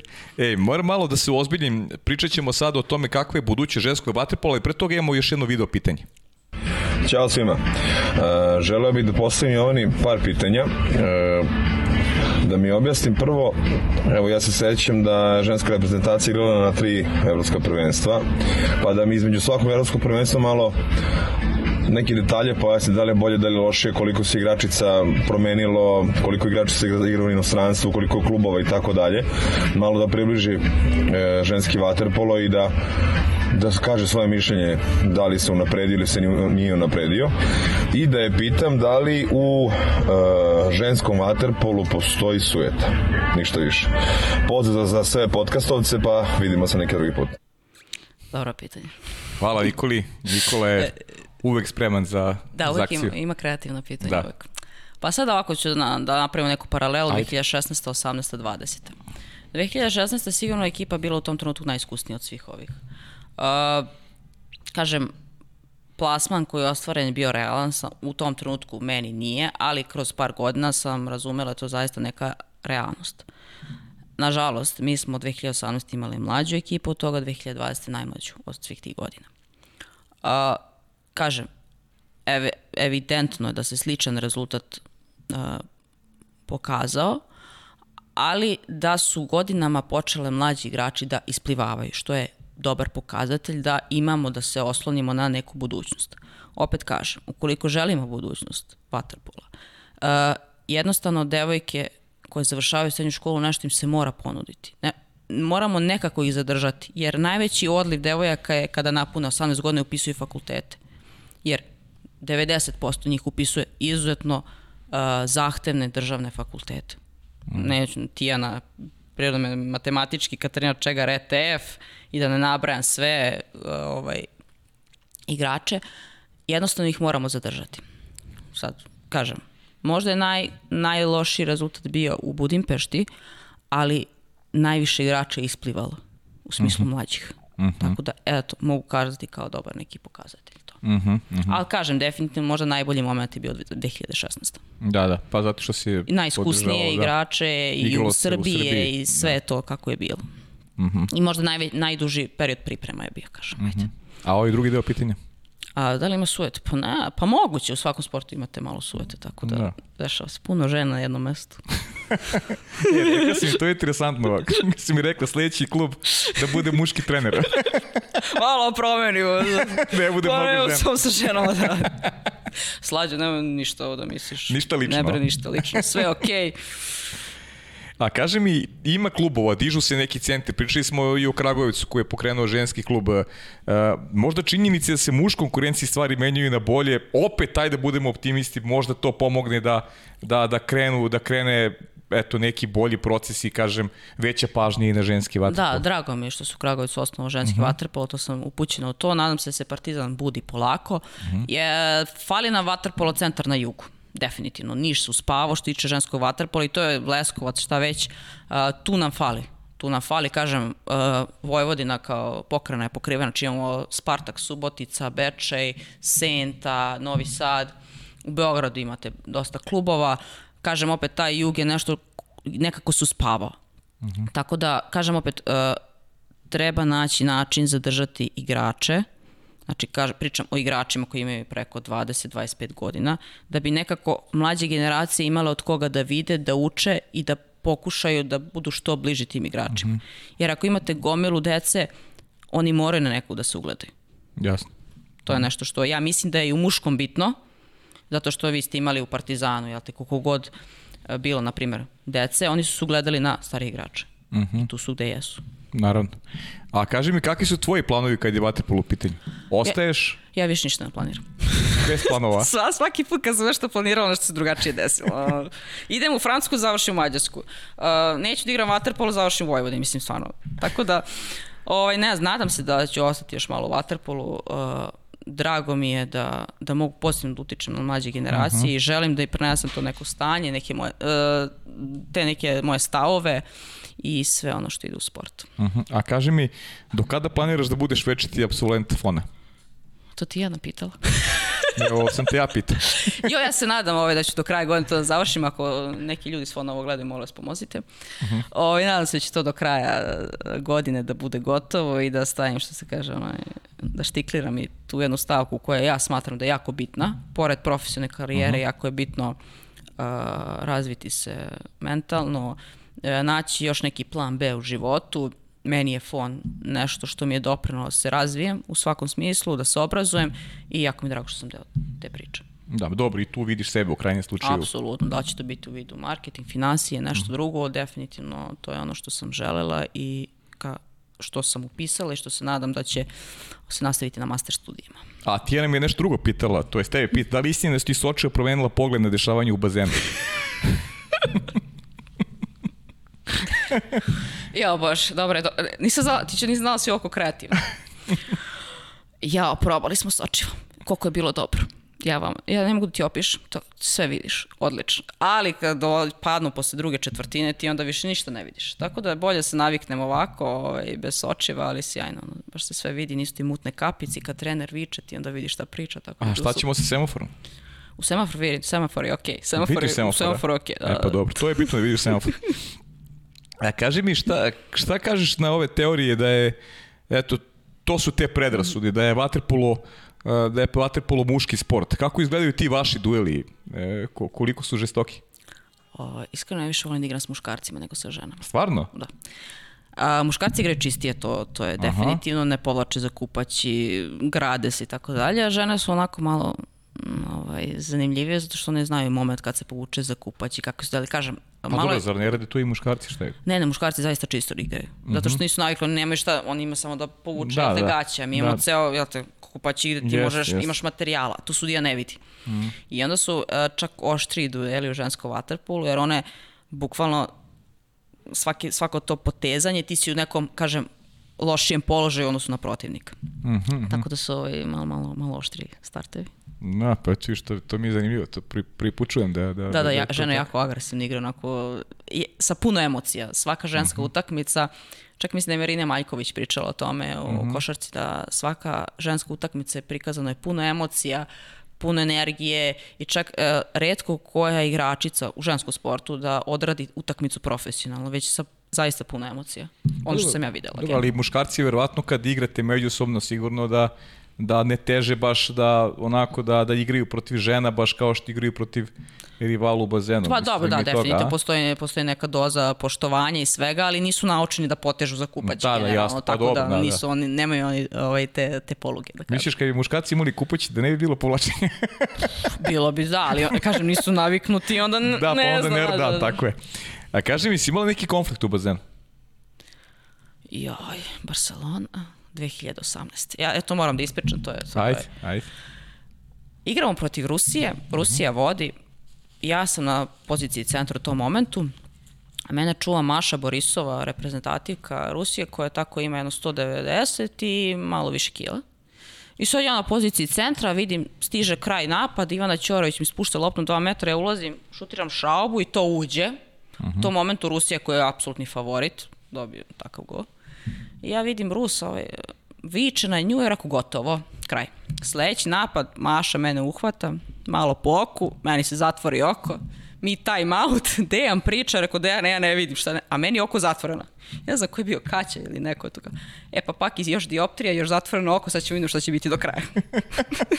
Sjajno. Tako da ono, ta šalba mi na nos izašla, ali bio bio dobar god, da, to se seća, to je bilo ovako jako zanimljivo.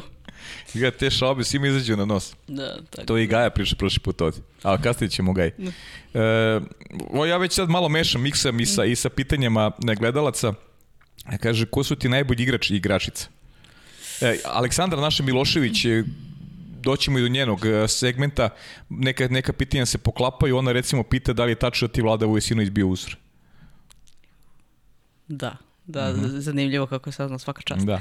Jeste, što tiče muške konkurencije, definitivno uzor je najbolji igrač po meni ikada su Vlada Vujasinović i pored njega naravno Ćira. A što se tiče ženskog vaterpola, uzor je nam u tom momentu uh, svima bila Tanja Di Mario. Tanja koja Di je Mario, mhm. zaista veliko ime italijanskog vaterpola i Horizontea. I pored nje jako sam volela ovaj, Aleksandra Simaki, centar Grčke, koja se mi sad povukla iz vaterpola. Uh, zaista dve sjajne igračice, pravi primjeri u bazenu, pravi primjeri van njega. Uh, tako da to je to što bih izdvojila što tiče vaterpola i idola. Mhm. E, zanima ljudi kako si izvan bazena, gde izlaziš, neki stil oblačenja, e, da li paziš šta jedeš? A, pa, kažem, volim da provodim vreme ovaj, sa društvom, definitivno dosta, da se šetam, da popijem dobru kafu. A, stil oblačenja pretežno je te, sportski, kad mora farmerke, to je mora. Na fakultet i to je to. A što se tiče ishrane, da, da, to je šala opšta. To je veli, večita šala u Vojvodini i svuda kad, ja, kad Paki ne jede slatko. Onda lupaju recke kad Paki jede slatko. ovaj, pa pazim, pazim. Naročito u tom periodu um, promenila sam ishranu tamo negde pred Evropsku Beogradu jer sam smatrala da treba da napredujem u fizičkom smislu i definitivno tada se totalno promenila moj način ishrane, treninga, suplementacije, dosta sam čitala o tome, dosta naučila u Mađarskoj uh, i sad pokušavam to prenesem i, i na mlađi igrače, nekim svojim primjerom. E, ima pitanje treneri koji su beleže tvoju karijeru, mada si to manje više Pa nešto dobro, rekao, to je- nije problem, znači Da. Milica Perovski, Miloš Janković, Miloš Bradić i definitivno Aca Krstonošić. E, a, pi- e, pošto ljudi znaju, eto vidiš, ljudi, su, ljudi znaju za, za taj tvoj strast prema futbolu, jesi imala tu nekog, e, nekog idola i odakle ta ljubav prema futbolu baš? O. E, za, I za koga navijaš? A ti ima i to pitanje kad već, kad već Ovaj, pričaš da, futbol. futbal je moja definitivno prva ljubav, jer mm, ja imam mlađeg brata. A u mojoj ulici su u tom momentu sve bili dečaci. Ja ne znam kako se to desilo, se to desilo ta generacija, svi dečaci. I ti ako ne možeš da ih pobediš, pridruži im se. Ja sam zaista da, baš dosta vremena provodila na futbolskom terenu i u, imala sam neki dole, među njima je bio Ronaldo, uh, mislim Brazilac Ronaldo i Oli- Oliver Što Kahn. bi rekli pravi Ronaldo. Pravi Ronaldo i Oliver Kahn, uh, reprezentativac uh, Da, golman. aha. N- e, Bože, golman, golman uh, selekcije Nemački i sad uh, zaista sam dosta pratila sve ta evropska svetska prvenstva. Definitivno moj deda je dosta uticao i on je sportski tip. On prati od trke konja do golfa i bilijara, sve. Znači, ima I kako sam bila mala, ja sam uz njega sve to pratila i za njega je uvek reprezentacija najbitniji, jel te, najbitniji stav svakog sportiste i to se gleda, znači reprezentacija uživo kad igra i snimak da se potvrdi sve. Tako da on meni razvio tu neku ljubav prema, prema, prema futbalu, ali nažalost, ili na sreću, kako god da definišemo, ja sam završila u Waterpolo, kažem opet, ovaj Waterpolo je a, najveća ljubav kad moje mame, ona je bila najveći fan Waterpola. A što tiče za koga navijam, pa recimo, ovaj, jako sam volila način kako igra Barcelona. to mi je onako jako lep futbal. E, I eto, to je to što se toga tiče. E, sad opet naša Aleksandra e, kaže da li je zapravo njen početak karijere vezan za koritu i vikendicu njenih deki i baki na Savi? Dobro pitanje. Da, ovaj, brat i ja smo svake godine, pošto imamo vikendicu ovaj, na Savi u Beljinu, provodili tamo. I sad po ceo dan na Savi, da li je to pecanje, da li je to neko skakanje iz čamca, šta god. I ta, postoji ta jedna slika, ja mislim čak u medijima da je objavljena, a, gde smo brat i ja, bio neki, neka, neki dan kad je bila kiša i nismo išli na Savu i ne znam, i onda je baba našla neku alternativu, neko korito stavila, ubacila nas dvoje i to je bila slika kao početak karijere Jovane Pantović Vatrpola. I to je opšta, opšta šala na tu sliku. Da, da, da. gle- gledam da se ne ponavljamo sa, sa pitanjima. E, Aleksandra ponovo kaže kakve su bile pripreme za šampionat u Beogradu u Izraelu? Da, ovaj, pa Ne- jako dobre, e, naporne, jer je ovaj, fizički deo pripreme obavlja Miloš Bradić, a to znalo je da bude ovaj, jako naporno. Pozdrav za Miloša u svakom slučaju. Ovaj, on onako nije imao, nije imao baš ovaj, nekog osjećaja. Aha. Tako da se puno plivalo, dosta teretane, a, dosta sparing utakmica sa Izraelom koji u tom momentu već počeo uh, polako da gradi žensku reprezentaciju na neki viši nivo dizao.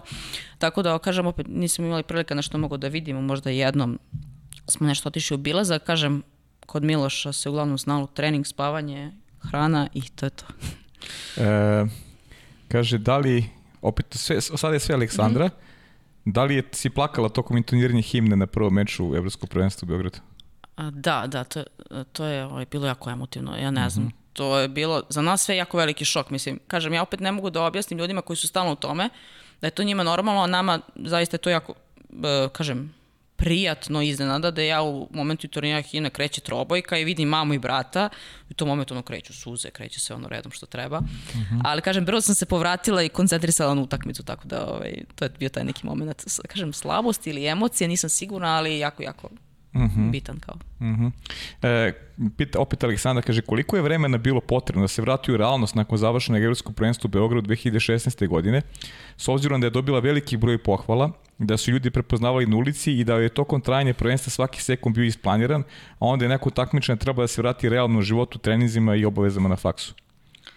Uh, to je, kažem, opet bio, da kažem, 2016. možda i presudna godina naših, kažem, karijera. Uh, gde vi u 10 dana ste toko ispraćeni, pohvaljeni, traženi i sve i nadate se da će se tako nastaviti i nakon toga 10 dana se sve vraća u normalnost kao da ništa nije bilo. Uh mhm. -huh. Kažem, bila mi je ja sam i dalje u tom momentu bila razočarana zato što mi nismo pobedili tu prvu utakmicu. Mhm. -huh. Ali uh, posle nekih, ja kažem, mesec, dva se sve to vratilo normalno, nastavili su, su trenizi kako treba, sve je to negde bilo zapisano ovaj, mm -hmm. pozadi.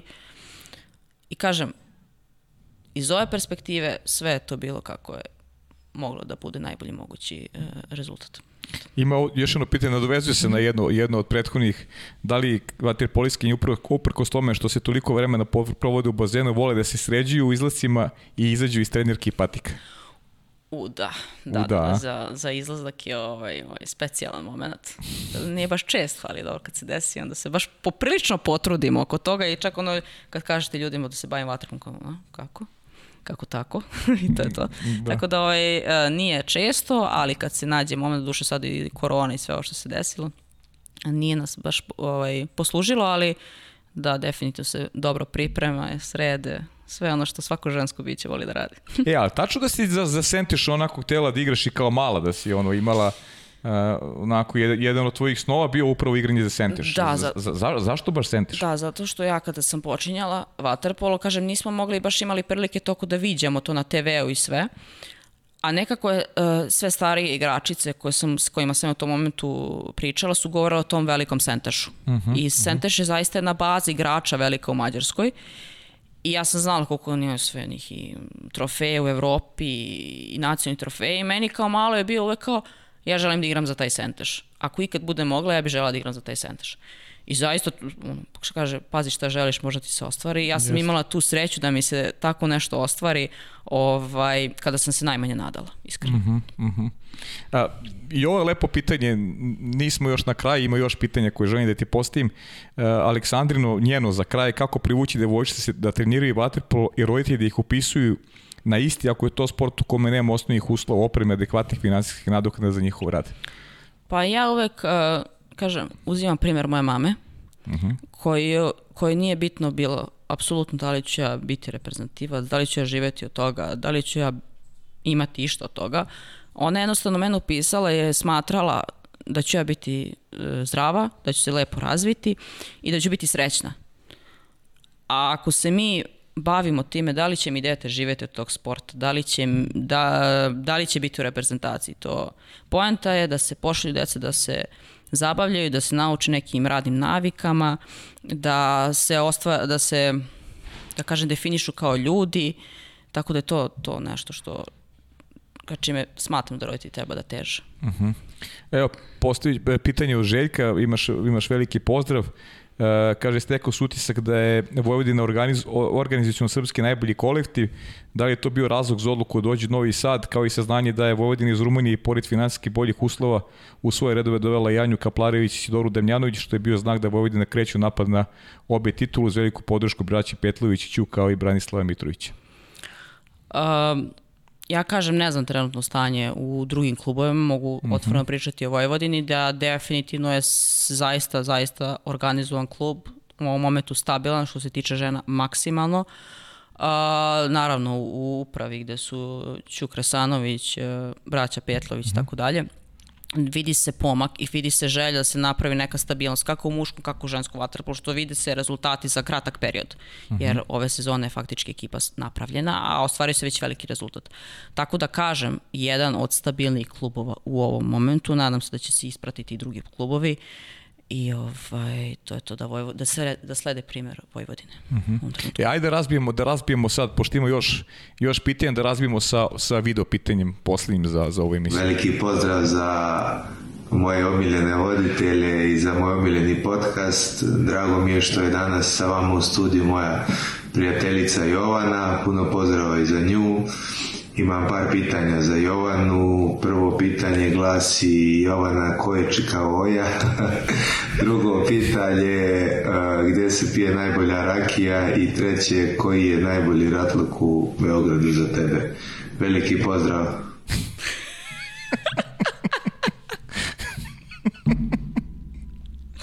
ovaj gaj, ja uvek ovaj, volimo tako se našalimo, kod nas uvek šala zabava kako se nađe. Dobro, vidim. Nikad, nikad nije dosadno. Vidim. Čikavoja A? je vlasnik mog omiljenog lokala, Pauza. Ovaj, pauza je mesto, smo se mi uvek iz Sveta Vatrpola skupljali, pili najbolju kafu u gradu. To je drugo pitanje, da. Najbolja kafa u gradu je kod dvoje i uvek je šala, zabav i sve su onako neka prijatna kućna, kućna atmosfera mm -hmm. i, i nikad nije dosadno. A tako da je ovaj, pozdrav za Voju, Okija i Makicu, najbolji trio ovaj, u gradu Beogradu. Najbolji je ovaj, ugostiteljski objekat Pauza, definitivno. Uh -huh. Uh -huh. A, šta je bilo drugo pitanje? Sad sam Kafa u pauzi, Kafa i, u pauzi i ratluk. I ratluk, da. Da, da ovaj, moja mama je ima firmu koja se bavi proizvodnjom ratluka, Aha. keka, tako da je ona osmislila ratluk od liofilizovane maline, to je malina koja su izvučena samo voda, svi sastojci su unutra, tako da eto, to je U, moj, super, od, da. moj odgovor na ovaj pitanje. Gaje voli da pojede, on samo kilo smlati, to je to. Nema od 200 grama, samo kilo. Da ne bi se rekao po njemu da voli da, da, da, da je. nikako. On samo kad naruči kaže, je samo kilo, 200 grama slabo. e, imaš veliki pozdrav od, od Sandija Mertilja, bivši reprezentativac Slovenije, on ima pitanje, redovan je u, u našem podcastu. E, pita kakav trening najviše voliš? A, uh, uh, misli u bazenu ili teretanu? Pa, mislim, okay, nije jak, definisao. Ok, jak težinski trening u teretani, smatram da je jako bitan, a što se tiče u vodi, ovaj, neki plivački deo, možda kraći šprintevi, uh mhm. -huh. a, i šuterski, naravno. I šuterski, aha. Kao i svi vaterpolisti, jel te? Vaterpoliski. Kaže, ka, e, najružnija stvar koju si napravila protivnici na utakmici? Pa ne znam, možda ako se me zakačila laktom ili... Pa, slučajno, slučajno. Pa slučajno. Dobro. E, e, šta i koja pravila bi promenila u Waterpolo igri? Šta ti smeta? Uh, pa možda taj, kako su nam pomerili šut sa 5 na 6 metara. Generalno uh mhm. -huh. muškarcima ne predstavlja nikakav problem. Uh mhm. -huh. Ženama je pomeren šut na 6 metara, što znači kad ti uzmeš faul, ti si već na 6,5. Uh -huh. I faktički žene imaju slabiji šut i to je možda problem. Ja bih ostavila šut za žene na 5 metara, eto to je jedino. Uh mhm. -huh. A ova nova pravila su doneli puno benefita jer uh, svaka prednost se nagrađuje. Uh mhm. -huh. Eto, to je to. Uh -huh. Preki što bi ja. Jasno, konkretno. Uh, protiv kog muška, protiv kog muškog vaterpolista bi volila da igraš? Uf. Pa ne znam, možda Miloš Ćuk. Miloš Ćuk, a? Da. E, pa i sad, zva, zva onako, dobro je Santi. O kojim igračima vaterpoliskinje najviše pričaju? I koji vaterpolista najbolje izgleda? Eto da se nadoveže. Ajde, Dva vezana pitanja. Ajde, recimo, Vamoš, ajde, najbolje izgleda. Uh mhm. -huh. A o kome pričaju, pa ne znam, podeljena su mišljenja. U uh mhm. -huh. suštini svi upadaju taj krug, tako da su da. podeljena mišljenja. dobro, dobro, dobro. E, idemo, idemo, Jelena Stojanović, pozdrav imaš i od Jelene Stojanović, kaže, e, sa koliko godina je naučila da pliva? Joj, bože, se setim. Evo, mama me naučila da plivam kad su bili na moru. Koliko sam, treći raz, koliko je to, 9 godina, 10? Aha, pa Deset, tako. da, deset, da, deset, da, da, treći, treći raz deset, Da, da. 10. Da. Kasno sam ja sve to. Mhm. Ali sam nekako stigla. Da. ko, ko ti je najdrži saigrač? E, ima ih više. Ovaj, nekako, ajde, Katarina Čegar, Tijana Jakovljević, oni su, s njima sam najduže provodila vreme, Ivana Ćorović, naravno, tako da, eto, ajde, njih tri bi izdvojila. Mhm. A, a najnezgodniji protivnik i najnezgodniji golman? Maša Borisova, Mhm. ajde, reprezentativka Rusije, Ekaterina Prokofjeva, reprezentativka Rusije, a najnezgodniji golman pa možda Edina Gangl, mađarska, mađarski reprezentativac golman. Mhm, mhm. E, neki sportski moto koji je Pa da bude e, biti svaki dan bolji od prethodnog. Mhm. A kaži mi, e, e, po tebi, koji je trenutno najbolji ženski klub i reprezentacija na svetu? Pa, ovo je, treba će malo vremena da objasnim. Što se tiče reprezentacija, a, generalno veća je konkurencija za zlatnu medalju u odnosu na, na mušku, definitivno. Jer vi u Europi imate šest vrhunskih reprezentacija i sada kada bi me ti pitao ko će uzme zlatnu medalju, kažem ne znam. Znači imamo Mađarsku, Grčku, Rusiju, Holandiju, Italiju, Španiju. I sve te reprezentacije imaju dobru i žensku i mušku, osim Holandjana koje su tu negde, ajde. Uh, najbolja po meni reprezentacija, kažem, po meni, način i stil igra vaterpo, definitivno Rusija, jer oni uh, su jako specifični, jako uh, imaju brz prenos lopte, dobar protok napada, odlična realizacija igrača više i tu su vam sve igračice, kažem, iste. Mogu da igraju i više pozicija, osim standardnog centra i beka. A što tiče najbolje kluba, a, def- definitivno Kinev Kiriši po meni, ruski klub koji je dominantan prethodnih, ja ne znam, možda 15 godina u ruskom šampionatu i sad su skoro osvojile, osvojile Land Trophy. E, zaista velika, velika istorija iza njih, e, puno vrhunskih igrača i uglavnom se njihova, da kažem, e, klub e, sastoji iz prvenstveno ruskih igrača, uglavnom. Redko kada donose strance. Uh, zaista sad su osvojile prvenstvo Rusije, baš sam pre neki dan gledala Kinev Kiriš i uh, Skif Moskov. Sjajna utakmica, kažem, velika posjećenost, sjajna utakmica. Eto, to je možda najkraće što bi mogla da odgovorim. E, koliko se razlikuje ženski vaterpolo sada i, i, i kada si počinjala? A, brži je. A, dosta se radi na fizičkoj spremni igrača. A, dosta kondicionih trenera se uključuju u to, znači ne samo trener koji je za tehničko-taktičke elemente, nego imate od- odvojenog kondicionog i glavnog trenera za tehničko-taktičke elemente. Definitivno se puno radi na fizičkoj snazi, jer nekako smo, mm, vaterpolo je dosta fizički sport. I u nekom momentu Evropa kuburi s tim u odnosu na Amerikanke, na primjer, koje su fizički dominantne i koje ne znam koliko imaju posljednjih olimpijskih igara osvojenih. Tako da brži je, fizički zahtevniji i to je ono što bih ja, ja izdvojila. Mhm. Da, super. E, ima neka dojava, ovaj, ne znam, odakle je, voliš da peciš, to tačno? O, da, da, da, da, da, to, to je živa istina. Ovaj, kažem opet, vikendica na Savi, a, sa babom i dedom možda naj, najlepši period moga detinstva. Ja sam počela pecam s nekim možda, ne znam, šest godina. Tako da je to neka ide ono strast koja ne prestaje i dan danas ako nađem vremena zaista odem na to pecanje. Što kaže, najviše volim pecam kjedere, ali ono kad se ma, kada, kada malo imam duže vremena da bacim što se kaže neke ovaj, za štuku, varalicu, tako da eto, odmara me, Mm, to je definitivno neka vrsta kao sportskog ribolova. Odmara me voda, odmara me ta mirnoća, jeste malo komarci jedu, ali dobro. I to je to. Ja, kaži mi, koliko se družiš sa muškim kolegama? Ajde, videli smo Gaju, Nikolu, imaš li prijatelji među njima i e, kako gledaš generalno uspehe ove generacije koja, koja polako silazi sa scene? Pa kažem, eto, sa Gajem i Nikolom baš imam sjajan odnos. Ovaj, e, družim se, da, naročito u Vojvodini, baš dosta vremena provodimo zajedno. Oni su nam sjajna podrška. E, zaista su bili ponosni na nas posle osvojenog kupa i ono, nadaju se ćemo nastaviti u tom ritmu. E, što se tiče ove generacije, nemam, nemam šta da kažem, osvojili su sve, nadam se će, mislim, obrnuti igricu, na sjajnom su putu, kažem, videla sam žreb za olimpijske igre, mislim da jeste težak, ali ja verujem u njih da će oni ostvariti isti rezultat. Pre svega e, na čelu sa Dejanom Savićem koji i tekako zna šta radi i pokazuje to iz godine u godinu, a definitivno kažem imamo i dobre naslednike što, što, što pokazuju mlađe generacije kako u ovom klubskom vaterpolu, tako i u mlađim kategorijama. Uh -huh, uh -huh. E, pa ništa, ja za kraj šta još mogu da ti kažem, da, da, da mi malo ovaj, da porodica, ono što Marina voli, sa čim voli da završi porodica, roditelji, brat, pričala si mi u bratu da je on krenuo potpuno nekim onako drugim, e, onako drugoj sferi e, životnoj, pa nije zgore kao ovako da ih, da ih e, pomenemo kao neki onako najveći oslonac i baza iz koje si ti postala ono što jesi danas. Pa da, sigurno su oni jako bitan, bitan faktor. Uh, počeo od mame, tate, brata i dede na kraju koji je ovaj, jako veliki fan onoga čime se ja bavim. Sigurno su bili tu uz mene sve ove godine i dalje mi pružuje podršku. Kaže, mama je tu predna, prednjačila jer ona je najviše vremena posvetila meni a, i bratu. Tate je bio tu kad je trebalo, tako da ono, definitivno porodica nešto bez čega mi sportisti ne možemo i tu tražimo neki mir i neki moment za, za bolje sutra. Jovana, šta ti kažem? Bila si divna.